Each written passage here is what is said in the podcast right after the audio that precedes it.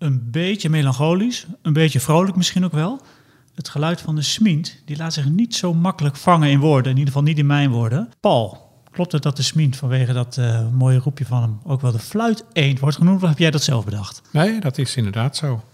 Het is de juiste benaming ook, vind ik. Uh, nou ja, zoals veel mensen weten, denken dat eenden kwaken, kwekken, kwaken. Ja. Dat is natuurlijk ook zo. Maar de, de, je hebt ook heel veel eenden trouwens die heel zwijgzaam zijn. Die over het algemeen helemaal niet uh, de bek open doen. Maar die smint, die uh, maakt een heel apart fluitend geluid. Vrolijk uh, wieuw. En het geluid het, draagt ook ver. Zeker op windstille avonden in de, in de herfst en winter. Dan hoor je het al van heel ver eigenlijk. En dat communiceren, zoveel communiceren doen ze vooral omdat ze een heel makkelijk doelwit zijn voor roofvogels. En uh, ze zitten vooral in weilanden, helemaal open gebied, sloten. En er zijn een paar uh, kiekendief en slechtvalk die uh, pakken hem maar al te graag. Dus dan worden ze heel kwetsbaar door en daardoor maken ze gewoon heel veel geluid. Dus waarschuwen elkaar eigenlijk gewoon constant of, er, of, er, of het rustig is en of er wat gevaar aankomt. Maar jij vindt het wel eens een. Uh, jij noemt het vrolijk, maar je vindt het ook als een, uh, een bad eentje of een fluit eend, weet ik wel hoe je zoiets noemt. Nou, ik heb, daar heb ik wel eens commentaar op gehad. Ik heb het ooit een keer dat zo genoemd, maar we, we hadden vroeger een, een bad eend die precies dat geluid maakte. En wij woonden toen nog in Amstelveen en ik ging vaak met mijn vrouw wandelen en de, de polders daar stikten het van de smiente. En dan zei mijn vrouw elke keer, hé, hey, dat lijkt wel het bad eendje wat wij... maar Dit?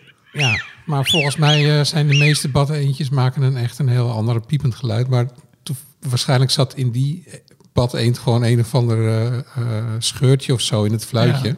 Waardoor dat precies dat geluid op ons bad-eendje leek. Maar, maar, goed. Maar, was, nu ga ik even door over het bad eentje. Dat was toen jij klein was of toen jij kinderen had? Nee, toen we kinderen hadden. Oh, ja, okay. We hadden een heel bad vol met, uh, met badeenden. En nee. uh, een paar hele grote ertussen. En één daarvan maakte dat hele rare geluid. Dus de smint, die herkennen jouw kinderen uh, feilloos? Absoluut, ja. Oh. Nou, ik vind het ook op zich wel een grappige vergelijking. En dan vergeet je het ook niet meer. Dus wat dat betreft is het misschien wel een hele goede. Zeker een goed, goed ezelsbruggetje.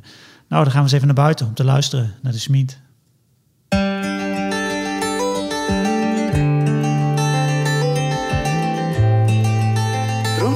Presenteert Notenkrakers. De vogels fluiten buiten, wil je weten wie ze zijn? Kom en luister naar Notenkrakers. Welkom bij de podcast Notenkrakers. Mijn naam is Daniel Mulder en in deze podcast van november 2021 neem ik je mee in de wereld van de chilpende, zingende, piepende en kwakende vogels, want we hebben het over de smint. En tijdens deze reis door de wereld van de vogelgeluiden is gelukkig ook altijd een route-redacteur en collega Paul Beur aanwezig, die bijna alles weet van vogels. Paul, als we het geluid van de uh, smint horen, dan kunnen we volgens mij maar één ding concluderen. En nu citeer ik uh, The Game of Thrones, waarin ze zeggen: Winter is coming. Klopt dat? Is de smint de ultieme wintervogel? Ja, dat kun je rustig zeggen eigenlijk vanaf eind september, uh, wanneer de, ja, de herfst zeg maar dan begint, dan komen de sminten uh, ons land binnen.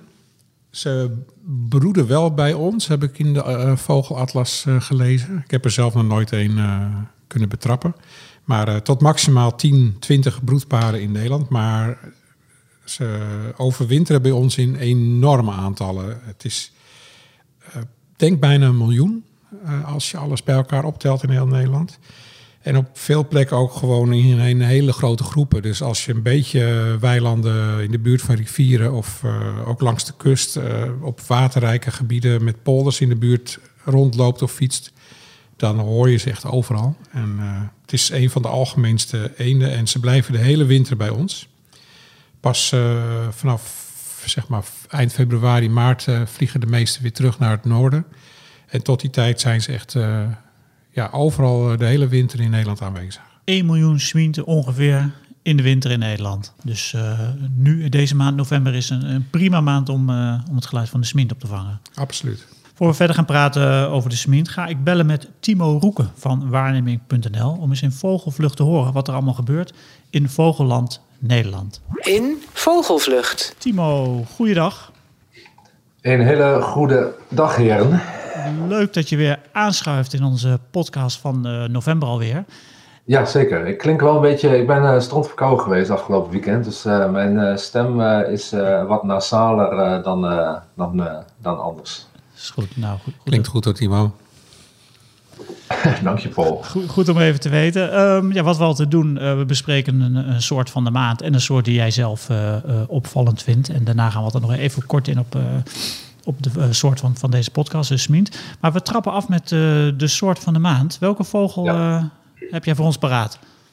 Ik heb altijd, uh, voordat de aflevering begint met de opnames, heb ik altijd een, een kort conclaaf eigenlijk met, met Paul over welke soorten nou pakken. Mm -hmm. um, eigenlijk zijn er twee soorten die de afgelopen maand wel uitspringen, waarvan één zelfs een nieuwe is voor Nederland.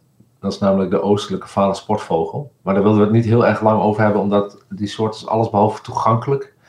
En uh, de sportvogel hebben we natuurlijk ook wel een keer behandeld. Dus eigenlijk, uh, maar goed, ik wil, het wel even gemeld hebben dat de oostelijke vale sportvogel nieuw is voor Nederland. Nou, de naam verraadt natuurlijk al enigszins waar die, uh, waar die vandaan komt. Um, heb jij hem al eens gezien, Paul?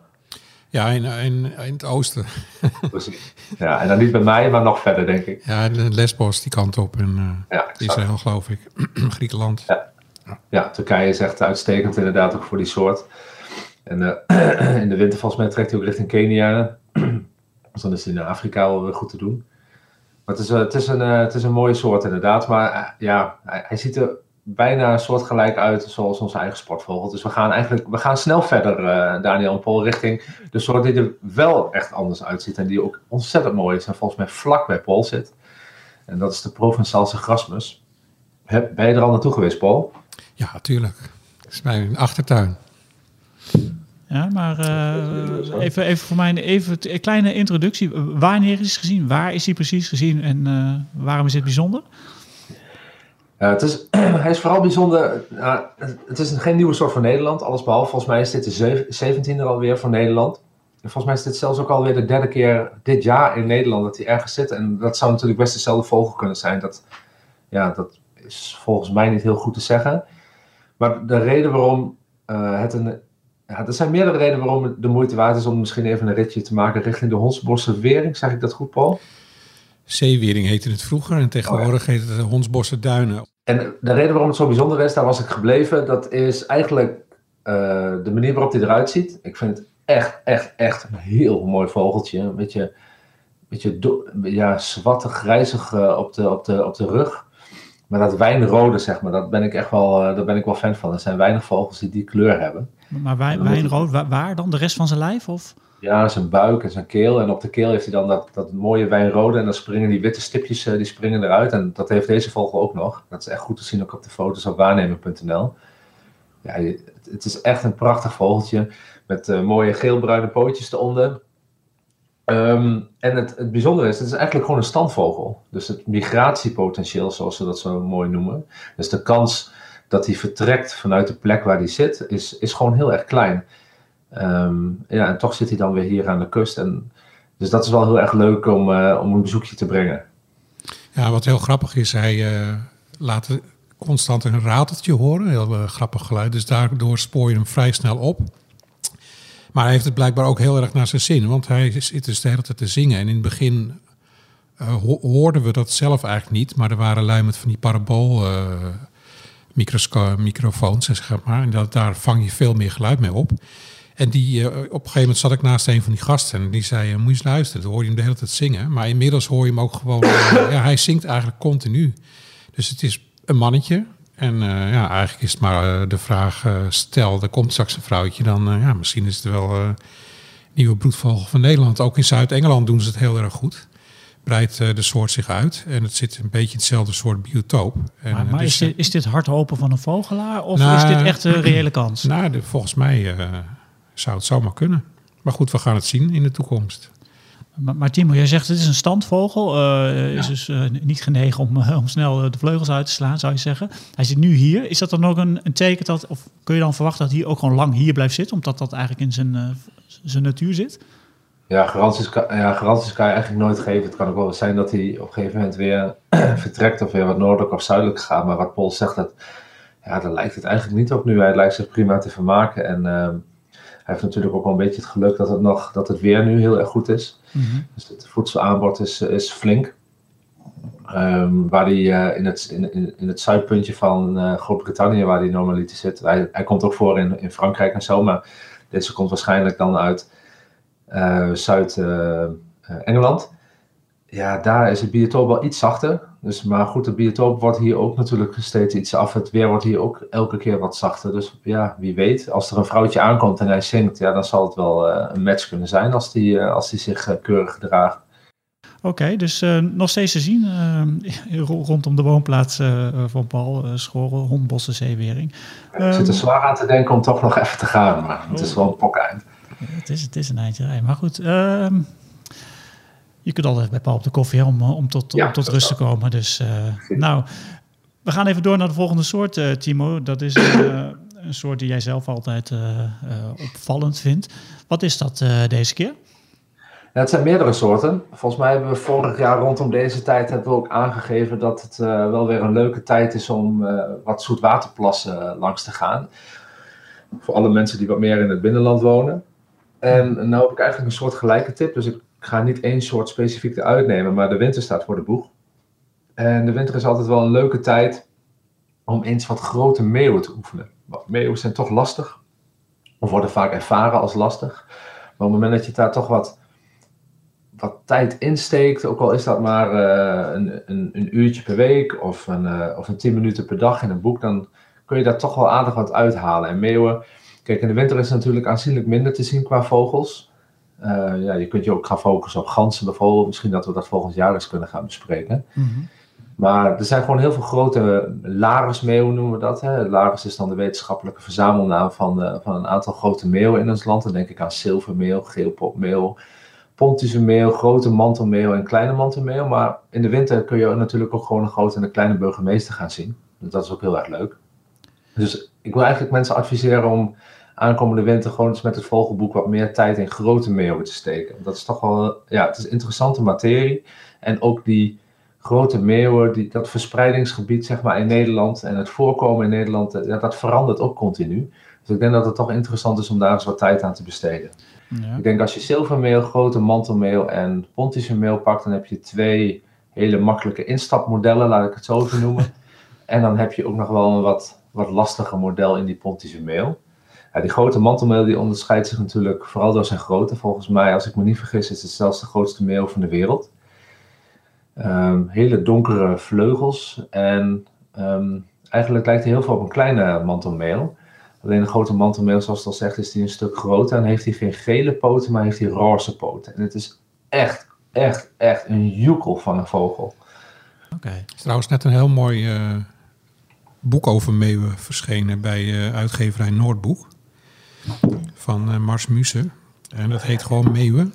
En ik heb hem vorige week binnengekregen. Echt prachtig. Prachtige foto's van alle kleden. Dus ook echt een aanrader. Ja, maar ik hoor altijd wel van, van Paul met name ook, maar van andere mensen die met vogels bij zijn, dat meeuwen toch wel uh, een uitdagende soort is, zal ik dan zomaar even zeggen.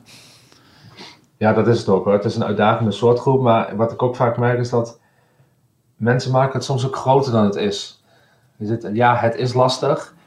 Ja, het is in een hobby als je je door wil ontwikkelen. Kijk, op het moment dat, dat ik, ik speel gitaar, op het moment dat ik denk van ja, dat akkoord is lastig, ga ik gewoon niet doen ja, dan kom je op een gegeven moment ook niet verder. Op, uh, op een gegeven moment wil je verder met je hobby. En dan, ja, dan zul je misschien toch wat meer tijd moeten besteden aan de dingen die ook wat lastiger zijn. Ja.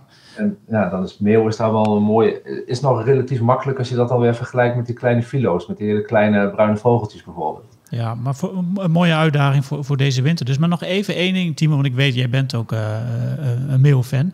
Wat ja. fascineert je nou zo aan die vogels? Ja, goede vraag, Daniel. Ik vind het het, het, zijn zulke. Ik vind het zulke magische vogels. Paul heeft er volgens mij een stuk minder mee. Ja, wel hoor. Ik vind het mee. Okay. Zeker. Ja. Maar wat is ja. die magie dan van de, van de meeuw? Ik vind, ik, vind het, ik vind het uiterlijk vind ik gewoon heel erg mooi. Uh, de, de verschillende kleuren wit, zeg maar, en de verschillende grijstinten die ze allemaal hebben. En wat ik ook gewoon heel erg gaaf vind, is dat je bij al die grote meeuwsoorten ook precies bijvoorbeeld de leeftijd kan bepalen. Hoe oud is zo'n vogel nou eigenlijk? vaak zijn uh, veel vogels zijn ook, of veel vogels, uh, meeuwen zijn soms ook geringd, dus dan kun je precies bepalen waar ze nou eigenlijk vandaan komen. En dan zie je ook allerlei, ja, die komen, de kilometers die die vogels maken, dat is echt heel bijzonder. Het geluid is allemaal anders. Hè. Mensen denken ook altijd dat die meeuwen allemaal hetzelfde schreeuwen. Dat is ook niet zo. Elke meeuw maakt echt een specifiek geluid waaraan je ze kan herkennen.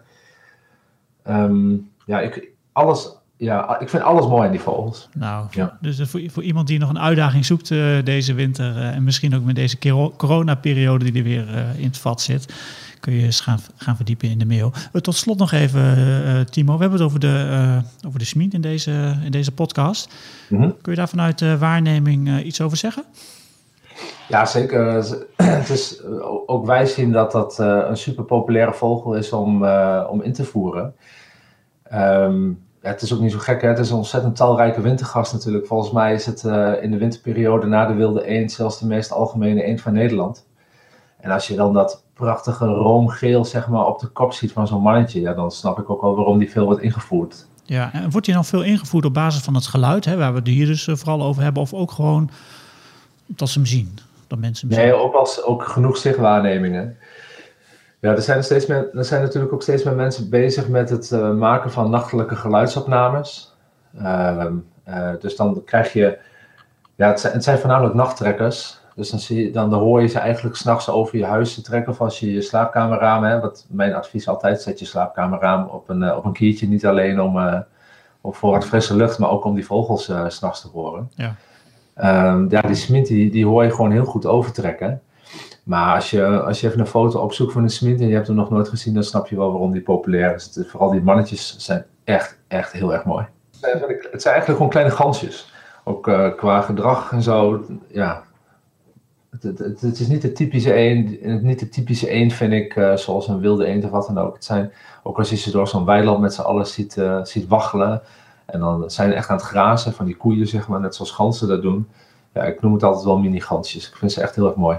Ja, dat is een mooie, mooie omschrijving. Mini-gansjes, dus niet als, uh, als mini-gans.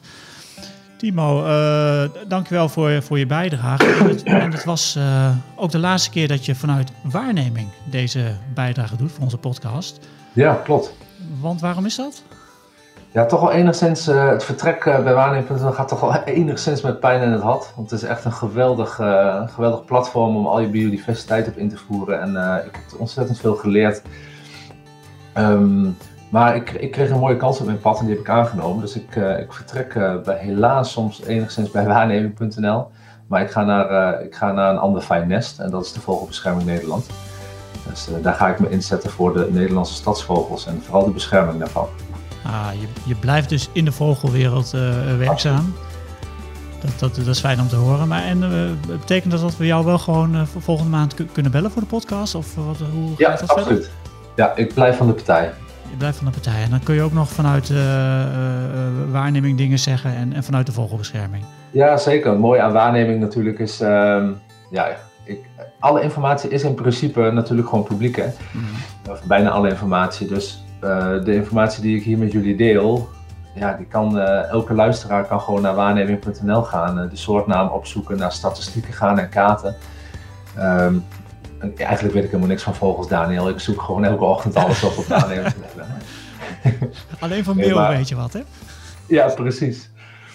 Uh, dus uh, nee, de informatie is allemaal gewoon publiekelijk. Um, ja, en ik heb, mijn, ik heb natuurlijk uh, bijna vijf, zes jaar met mijn, met mijn collega's bij waarneming.nl samengewerkt. Dus als ik echt wat, wat nodig heb, dan is dat geen enkele moeite. Dus ja. ik, ik, ik, en ik blijf mijn hele leven gewoon fanatiek ambassadeur van dit platform, omdat het gewoon ja, er zijn, er zijn alternatieven, maar uh, ik ben nog steeds van mening dat waarnemen.nl uh, de beste is.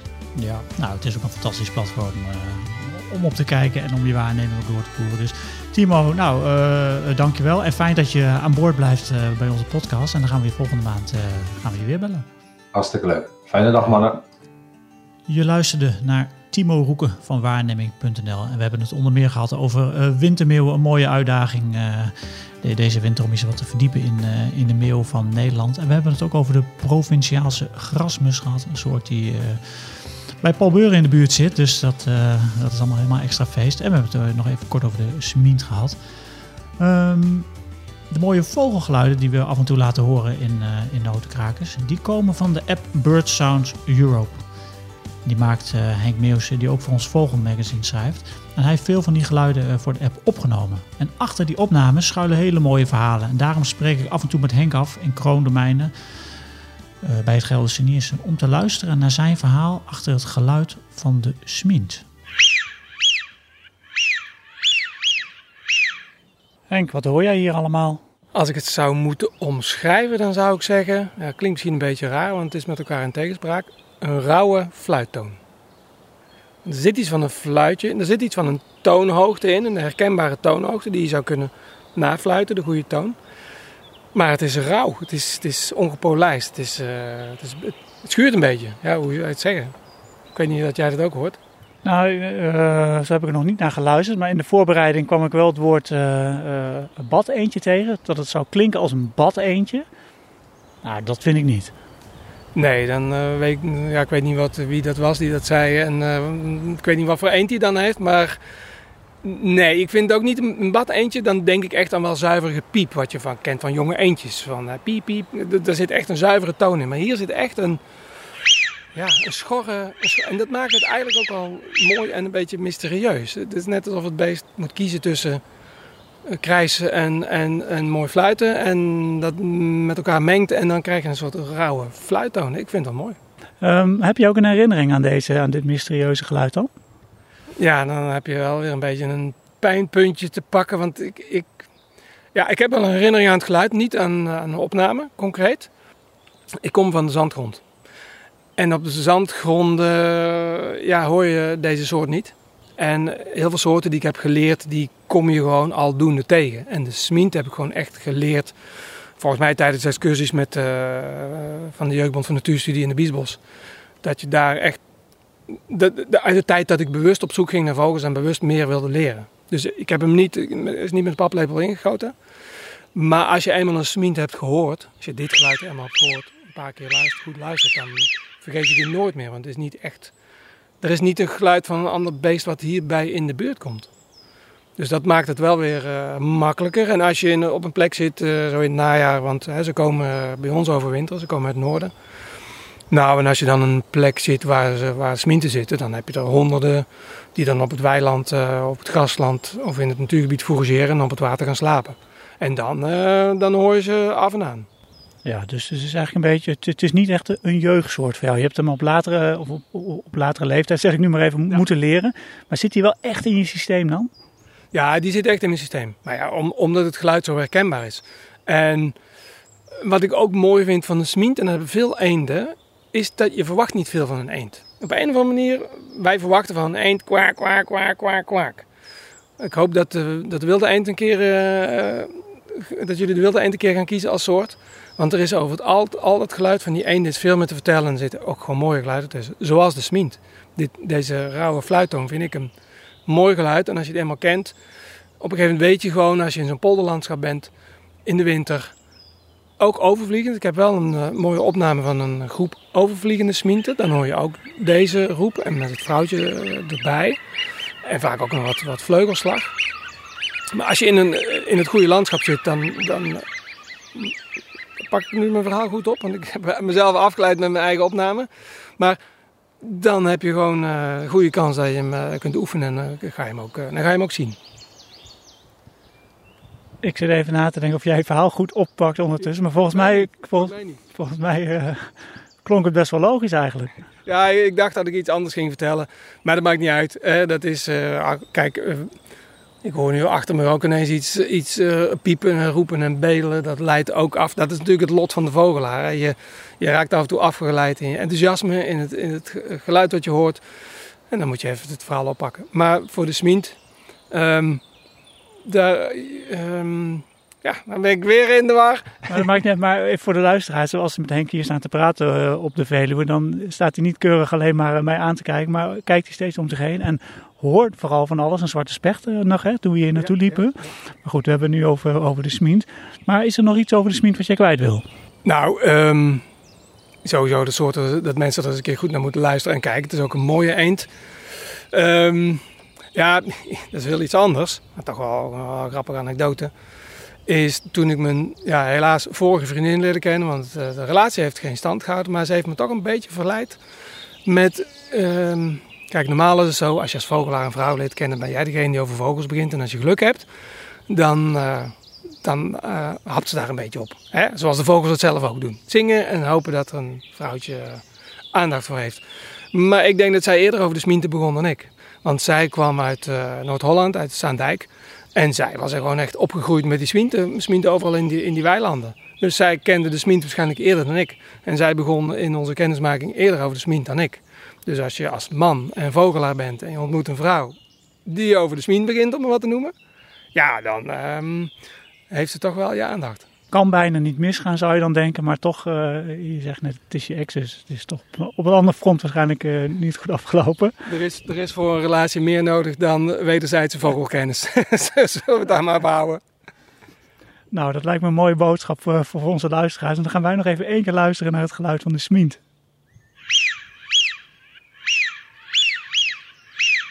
Je luisterde naar Henk Meeuwse en de geluiden van de smint eh, die je dit keer hoorde waren niet van Henk Meeuwse zelf. En hij vroeg mij om even te zeggen dat ze door Peter Boesman zijn opgenomen.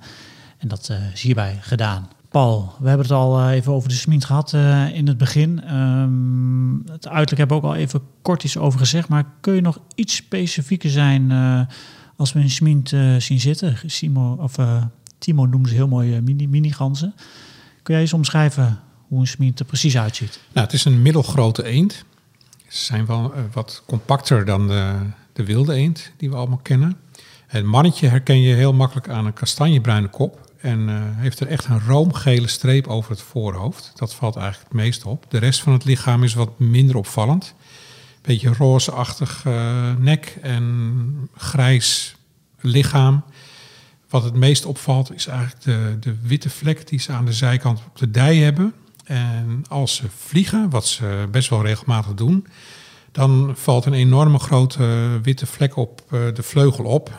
En daaraan kan je ze ook heel goed herkennen. De vrouwtjes zijn wat minder eh, eh, extreem gekleurd. Die zijn vooral eigenlijk eh, ja, kastanjebruin. Wat ook nog opvalt is dat ze een vrij korte snavel hebben. Wat dus ook prettig is, omdat ze natuurlijk dat gras eh, afknippen met het snaveltje. Dus als het een, een kort snaveltje is, daar eh, gewoon veel handiger voor. Wat eigenlijk ook ganzen hebben. Ja, en je noemde al even die kastanjebruine eh, kop hè, die ze hebben. Ja. Dan, als ik dan een paar andere eenden een beetje in mijn hoofd probeer eh, te halen, dan heb ik het idee dat ze ook wel te verwarren zijn met andere soorten. Of heb ik dat fout? Nou, een tafeleend heeft bijvoorbeeld ook een, een beetje ja, tegen het rood aan kop. Maar die zit eigenlijk op hele andere plekken. Want dat is ook een duikeend. Dus die zit wat meer op eh, wat dieper water. En die smienten, dat zijn echt eenden die je vooral in de weilanden ziet en in sloten. En eh dus een heel ander biotoop.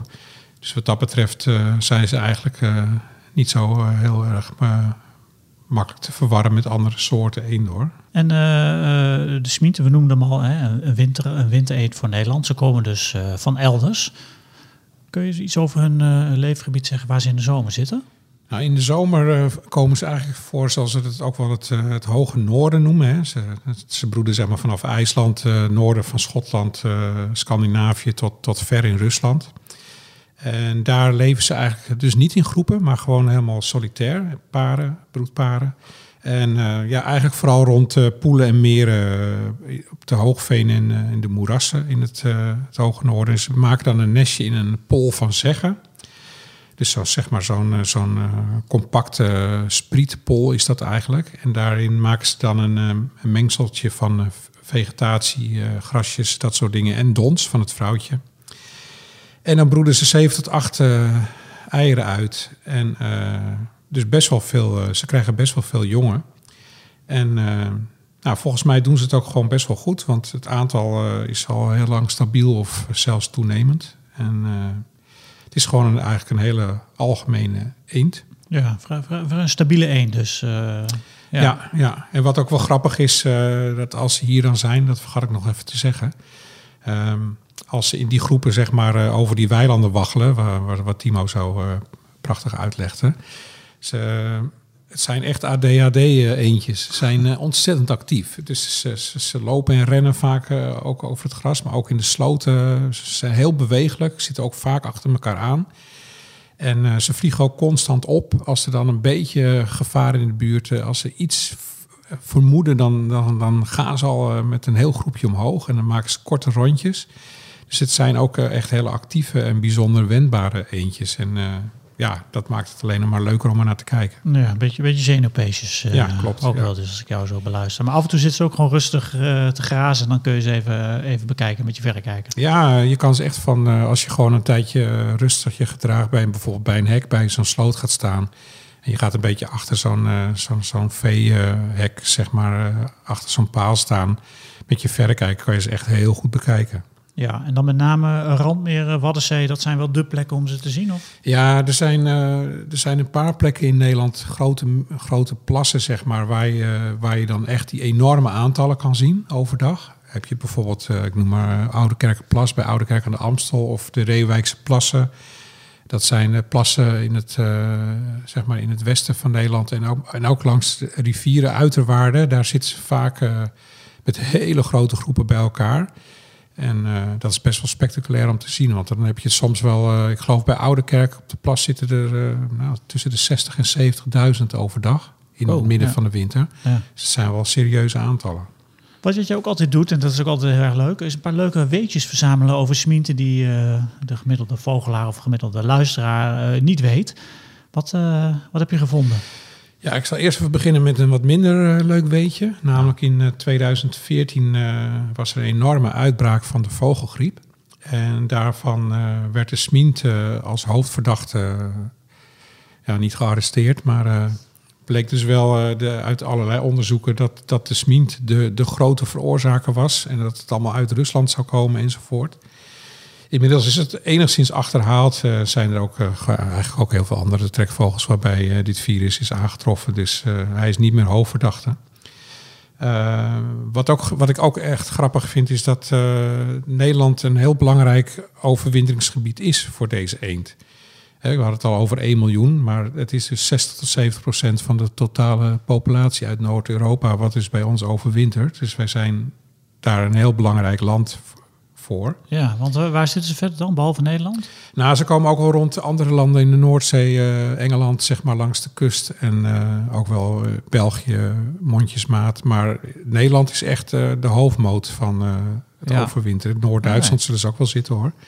Maar bij ons is het echt, komen echt hele grote aantallen voor. Ja. Omdat wij zo'n ja, zo'n heel gunstig eh, biotoop voor ze hebben. Hè? Grasland in combinatie met sloten waar ze zich goed in kunnen verschuilen.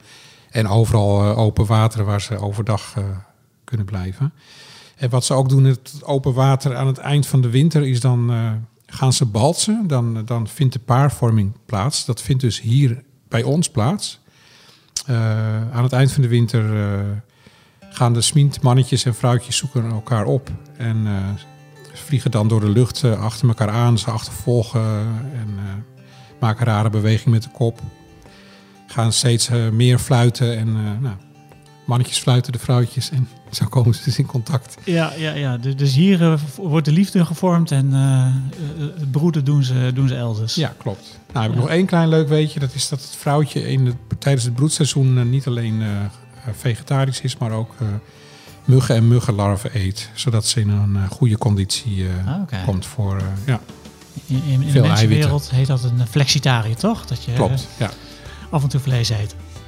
In mugjes in dit geval. Oké, dat, is, dat, dat, dat is echt een le- leuk weetje. Ja, die andere ook, maar deze is compleet nieuw voor mij. Weet je, wa- waren dat zo of heb je er nog? Dat eh, waren ze, ja. Dat waren v- in versneld hele vier mooie, mooie weetjes op die, op die eerste na natuurlijk. Vogelgriep, ja, dat hoor, af en toe krijg ik weer in mijn persbericht erover dat het weer opduikt. eh. Ja, in de Beemster zijn ook weer eh, bedrijven geruimd, zag ik.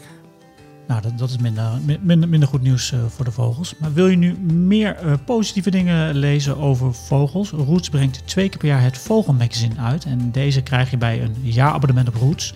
Het najaarsnummer die ligt eh, nu in de winkel. En die kun je eenvoudig losbestellen via onze website rootsmagazine.nl. En gebruik je dan de kortingscode gratis, dan krijg je het ook nog zonder verzendkosten thuisgestuurd. In deze rubriek stellen luisteraars vragen over vogels. Wat een vraag! Ja, stel je leukste natuurvraag aan Roots en dan eh, gaan wij die vraag eh, voor je uitzoeken. We krijgen allerlei vragen binnen, maar deze keer heb ik eh, niet echt een lezersvraag genomen, maar iets anders interessants wat voorbij kwam. Want ik las onlangs iets, en dan ga ik eens eventjes goed lezen wat, wat er nou was. wat was ik alweer? Oh ja, dat er in Europa en Noord-Amerika minder, minder vogelgeluiden zijn te horen. En ik laat ondertussen even wat uh, vogelgeluidjes horen. Hoe zit dat uh, precies, Paul? De ochtendkoren van de zingende vogels worden minder. Hoe zit ja, dat? het is er langzaam ingeslopen. En, um, maar uh, ik, ik heb eens goed nagedacht over jouw vraag. En ik weet nog wel dat.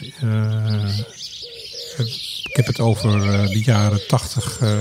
dan kwam ik heel vaak in de, in de duinen in de waterlijnduinen bij uh, onder Zandvoort. En daar, als je dan in zeg half april daar wandelde, dan werd je helemaal knettergek van de zingende Vitische nachtegaal was er dan nog net niet, maar grasmussen, koerende tortelduiven.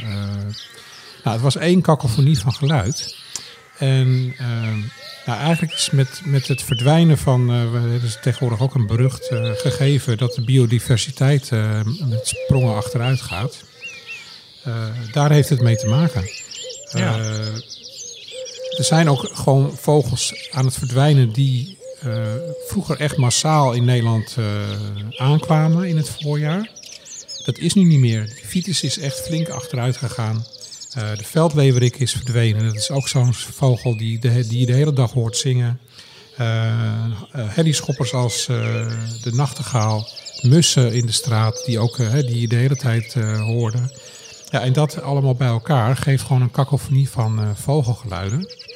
En ik moet je eerlijk zeggen, er zullen nog plekken zijn in Nederland waar je dat wel hoort. Hè? Zoals bijvoorbeeld de Oostvaardersplassen, waar heel veel soorten in, in april zingen. En ik, ik noem een ooipolder.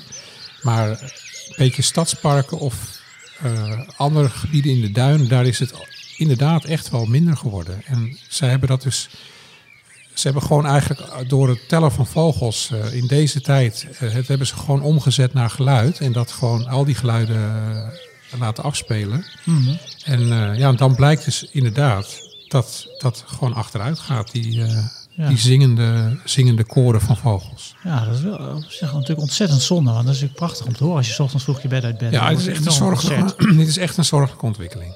Dat, ja. uh, en als het inderdaad kan worden aangetoond met uh, pure wetenschap, dan, uh, ja, dan moeten we ons daar wel serieus zorgen over maken. Ja, nou, op de achtergrond hoorde je een, een stukje van zo'n van zo'n vogelkoor. Het bericht, uh, dit nieuwsbericht uh, kwam ook op, stond ook op, uh, op Nature Today, waar ik ook deze geluidsbestand vandaan heb. Dus hierbij ook even dank, dank daarvoor. Ja, zorgelijk Paul. Dat is inderdaad, vooral als je een podcast maakt over vogelgeluiden, dan, dan wil je dat natuurlijk niet. Nee, inderdaad. Nee. We gaan naar het einde van deze podcast, naar, naar deze podcast toe. Notenkrakers. Het geluid wat je hoorde in deze podcast, die kwamen van Henk Meeuwse van de app Birds Sounds Europe. Um, ik had net al even over het Vogelmagazine. Kun je geen genoeg krijgen van vogels, dan is het Vogelmagazine uh, natuurlijk echt iets voor jou. En het najaarswinkel, of het najaars het nummer is uh, nu te koop. Je kunt natuurlijk ook een, uh, een abonnement nemen op Roots, want dan krijg je het Vogelmagazine er standaard bij. Dus dan sla je eigenlijk twee vliegen in één klap. En wat nog even heel kort uh, leuk is om te noemen. Roes heeft een, uh, een tuinvogelboek gemaakt. Net, uh, net gelanceerd. ligt nu in de winkel. Paul heeft daar heel hard aan gewerkt. En Paul, even in twee zinnen. Waarom is dit zo'n prachtig boek? Nou, het is vooral ook de, de illustraties van Erik van Omme. Echt een vogelkunstenaar die het boek heel bijzonder maken. Er staan 27 soorten tuinvogels in. Maar ook soorten dus die wat minder vaak in de tuin voorkomen. Maar die je wel kan zien zogenaamde dwaalgasten. Het is gewoon een uh, superleuk boek om uh, door te bladeren en te lezen. Ik uh, ja, raad het iedereen aan. Ja, nee, dat, wij van WC Eend raden, raden ons boek van, van Roots aan. Nee, maar het is echt, het is echt prachtig, de aquarel. Ik heb het boek uiteraard ook mogen, mogen lezen en het ziet er echt heel, heel fraai uit. Um, dan gaan we nu naar het laatste onderdeel van deze podcast. En dat is namelijk vertellen waar onze volgende podcast over gaat, die van eh, januari. En Paul, jij weet waar die over gaat. En jij mag het ook gaan onthullen nu, Dat is de Winterkoning. de Winterkoning. En daar heb ik een mooi geluidje van.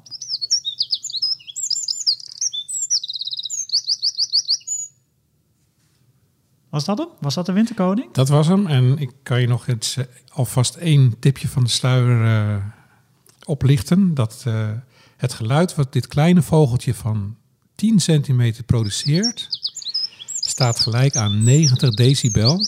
Oftewel vergelijkbaar met het, de herrie van een popconcert. In je oor. Zo, dus niet te dicht in de buurt komen van de Winterkoning, wil je maar zeggen. Ik zou hem niet al te hard afspelen in je koptelefoon. Ah, Oké, nou dan gaan we daar rekening mee houden. Een eh, flinke lawaai maken, dus maar wel een mooie eh, lawaai maken. Nou, leuk in ieder geval dat je luisterde naar deze podcast. Maar eh, vo- voordat je naar de Winterkoning gaat luisteren, ga je natuurlijk eerst eens eventjes eh, kijken of je buiten de smint eh, kunt horen. En ik zal dat nog één keer laten horen hoe die klinkt, dan, dan weet je dat als je naar buiten gaat.